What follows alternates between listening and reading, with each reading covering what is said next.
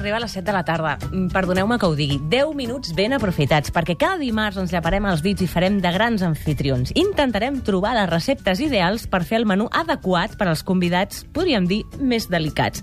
Què hem de cuinar si, per exemple, ens visiten per primer cop els sogres? Si volem recuperar un amic amb qui ens havíem barallat? Què li hem d'oferir? Doncs, per exemple, si ve el nostre cap a sopar a casa i vols demanar-li un ascens, què faries? Mare meva. Uf. Tot això ens resoldrà el xef eh, que ens acompanya i que és aquí al nostre costat, d'Estrella Michelin, podríem dir, l'Oriol Castro, que és excap de cuina del Bulli, i també un dels tres propietaris del restaurant compartit de Cadaqués al costat de l'Eduard Xatruc i el Mateu Casanyes. Oriol Castro, bona tarda, benvingut. Bona tarda. Hola, Oriol. quin compromís. Bona tarda, Toni. quin compromís, per exemple, tenir els sogres a casa a sopar, perquè, clar, no pots quedar malament. Què els hi faries, als bueno, sogres? els sogres, primer de tot, no pots quedar perquè ens deuen molts favors, no? Els, els, els, els hi demanem moltes ajudes als sogres, no? Sí. Jo tinc dos nens, per exemple, i sempre els hi demanes coses, no? En principi, el primer que els hi faria és alegrar-los una miqueta amb un bon còctel de benvinguda perquè estiguin contentets, no? I avui en dia encara més que estem a l'estiu amb un bon préssec, no? Clar. I podríem fer-li un Bellini. Perquè tu imagina't, clar, ara ja tens dos fills, ja són els sogres i jugues a casa, però el dia que els vas conèixer per primer cop, què li fas a la teva sogra, aquella senyora que ha mimat el teu fill o, o la teva filla?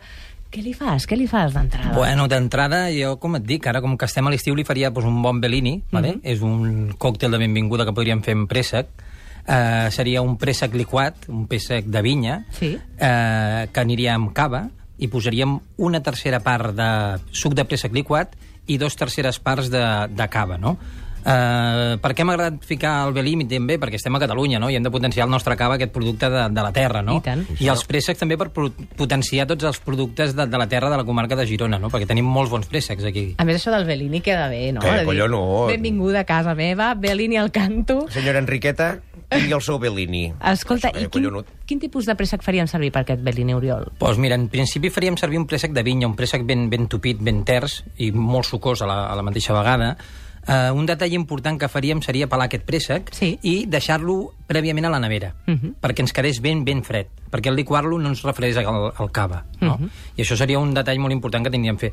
Més que el préssec de vinya, que és més aigualit, més sucós, i no ens quedaria tan bé. Eh? I ho faríem amb una liquadora, això. I li donaries a la porta, eh, directament. Hola, què tal? Bona nit. Pam! Bueno, jo, còctel jo li donaria el, el còctel per ficar-los, posant-los a la butxaca, per ficar-los contentets i que comencem aquí a, al sopar. I si em pregunta, i això del Bellini què és, nena? Ostres, carai, què diries? Perquè... el, el Bellini, mira, és un còctel que es va fer a Itàlia, Sí. al Harris Bar de Venècia, i el van fer un vi sec espumós italià, i després el va fer amb xampany, però aquí que a la terra farem amb el- l'hem fet en cava. Mhm. eh? La veritat és que és una combinació especial i molt diferent, això del préssec amb el Home, cava. la veritat que és molt bo i és molt refrescant, és molt, i molt estiuenc, no? Sobretot és molt estiuenc. Jo I veig una senzill petita... de fer. I sí. És senzill de fer. Clar. Això ho podries fer tu perfectament, Toni. Sí, sí, correcte. Vull dir, és que Un que no en tinc ni idea pot fer-ho. Jo em veig amb cor de fer-ho, ja t'ho dic ara. A No? part hi ha estratègia darrere, perquè d'entrada ja els hi dones una miqueta de Ah, cava, no. alegria, tot flueix... Ens la els hem de posar a la butxaca, no? Sí.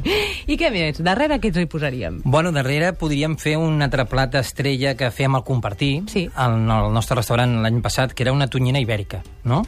Tonyina ibèrica. Una tonyina ibèrica. Això té una miqueta de ganxo i té rotllo, ara veureu. Uh, en principi els ingredients que faríem servir seria tonyina ben, ben fresca d'aquí la terra, del nostre Mediterrà. Mhm. Després seria pernil ibèric, però faríem servir la part que tirem tothom, o que tira molta gent, que és el greix de pernil. Després faríem un puré de tomàquet, que l'explicarem, i unes torradetes. Ens ha portat el greix de pernil, eh, l'Oriol? I ara, ara us ho començaré a explicar. Vinga. Vale? Primer de tot farem el greix de pernil. Sí. Vale? Això, el que hem de fer és sempre, quan anem a comprar, dir-li al, al, al xarcuter la, o la botiga de, de, on venen pernils, dir-li, escolti'm, vostè quan vagi netejant els pernils, guardi'm el greix del pernil més bo que tingui. Mhm. De quan, quanta més qualitat el pernil, doncs més bo serà el greix, no? I us anirà guardant el greix. I us el vendrà, doncs, baratet, no sé, ara podríem dir dos eurets, no? Un pernil que pot valdre 50, 80 euros Clar. al quilo, doncs te'l pot deixar molt més barat. I el que farem quan arribem a casa serà aquest greix, el picarem, Mhm. jo n'he portat aquí una mica perquè el pugueu veure. L'has posat en fases, no? Aquest és el que ens ha donat Aquest és el que us he portat, que ens ha donat el, el xarcuter, en aquest Home. cas de la boqueria. Fa una olor. I Oh. si tanqueu els ulls sembla que mengéssiu pernil, no? Coloreu pernil. I en canvi és només greix. És una bodega d'aquestes plenes de pernils. I sua, eh? Perquè està ple d'oli. Ja, ja ha Exacte, deixat aquest, en el seu aquest oli. amb la calor que l'he portat amb el taxi al venir, doncs ja ha anat deixant anar, no? Amb el taxi del Toni doncs ja ha anat deixant anar aquest, aquest greixet, no?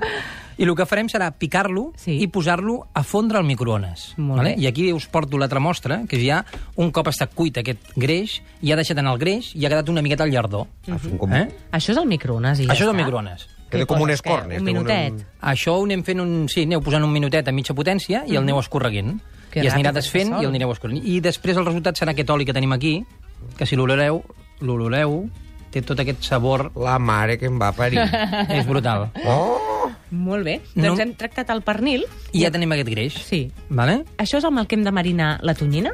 Ara t'ho explico. Ah. Ara anem a per la tonyina. Corris, no ara el que farem... Mireia. Ara, Vale. anem a, ara anem a elaborar la tonyina. Aquesta tonyina doncs, també és un producte de la nostra terra, que comprarem a les peixateries d'aquí a Barcelona o dels pobles on estiguem, brenejant, la repolirem, li traurem tota aquesta part fosca, la més oxidada que pot tindre, o la part que té més sang, la tonyina i la pell, i la tallarem en rectangles, amb uns rectangles d'uns 6 centímetres per 3, eh? i la posarem en el plat. I el que farem serà posar una miqueta de sal en aquesta tonyina, que és completament crua, Sí. i li posarem unes gotetes d'aquest greix de pernil.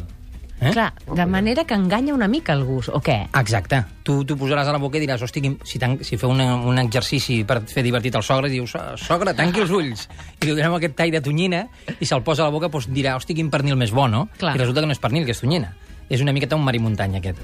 I després el que li podríem ficar a sobre és una mica de puré de tomàquet, que agafarem un tomàquet, el tallarem per la meitat, li traurem les llavors i el ratllarem, de la forma més antiga, amb un ratllador d'aquests de tota la vida, com les iaies, el ratllarem i li posarem a sobre. Eh? Així queda fresc, no? I això li donarà un toc divertit i després hi posarem unes torradetes acompanyades, no? Mhm. I si tanquéssiu els ulls i mengéssiu un tall de tonyina amb aquesta torradeta, podríeu dir que esteu menjant un pan tomàquet Amb tomàquet. de mar i muntanya, no? És Calla. bona aquesta, i tan senzill. I tan senzill. Però l'important és que tingueu el, el, pugueu fer aquest greix perquè després podreu fer un pan tomàquet amb pernil que no hi hagi pernil, virtualment, no? I li podeu donar encara un gadget Clar. més als sogres, ficar doncs, un pan tomàquet amb aquest greix, que serà un pan tomàquet amb pernil virtual. I posats a redonir la jugada, quin producte de temporada podríem afegir en el plat d'avui? Bueno, mira, jo un dels productes que m'agrada molt i ara s'està s'està està madurant és l'ametlla tendra. Mhm. vale? Nosaltres al, en el restaurant el que fèiem era a agafar les ametlles tendres i les collíem al mes de juny, quan les anàvem a agafar de l'arbre, les trencàvem i eren ver, ver, veritablement unes joies tendres que explotaven a la boca. No? Ara estan una miqueta més madures, però ens encaixarien perfectament amb un plat com pot ser la tonyina o amb el bellini, que la podríem posar dintre del, del còctel i podria semblar com l'os del, del préssec, no? El pinyol del préssec, amb aquest toc que a vegades tenen un punt amarg algunes ametlles I te'l tendres. pots fotre. I tant, Clar. i tant. A més a més, això ho trobes molt fàcilment, és un producte fàcil. Exacte. Segur que molts de vosaltres teniu amics que tenen un, un jardí amb un ametller sí. o podeu demanar-li al, a la verduleria de costat de casa escolti, porta'm unes ametlles tendres, no? I us ho poden aconseguir, perfectament. I al final hem d'explicar alguna anècdota o hem d'explicar, mira, això ho he fet així o no revelem el secret. Home, jo sóc del parer de revelar el secret, no? Sí. Perquè això té més ganxo. Clar. Perquè la sogra podrà vacilar i podrà lluir-se amb les seves amigues i podrà dir, vine cap aquí, la veïna del replà, i li ensenyarà i li farà el... aquests sobre trucos que, hem dit del greix de Que li pernil, fotis no? secretos a la sogra i el primer dia. No, home, no, Ah, home, no, que però si no ens ni no generositat, ens- generositat, generositat. No ens ajudaran pas. Arribes a tancar el cercle el dia que tu vas a sopar a casa de la sogra i et fa un Bellini d'entrada, com ho han dit, veus com em va agradar? Si et fa fas aquesta això, fes, veure, fes sorpresa, eh, com si no ho haguessis vist mai. Per què? Oh, perquè queda bé. Oh. Oriol Castro, moltes gràcies per venir avui, per donar-nos aquests consells per convidar a sopar a la sogra a casa i sortir-ne victoriosos. Moltes gràcies, gràcies a vosaltres. La setmana que ve, més, més sopat i endevinar qui ve a sopar.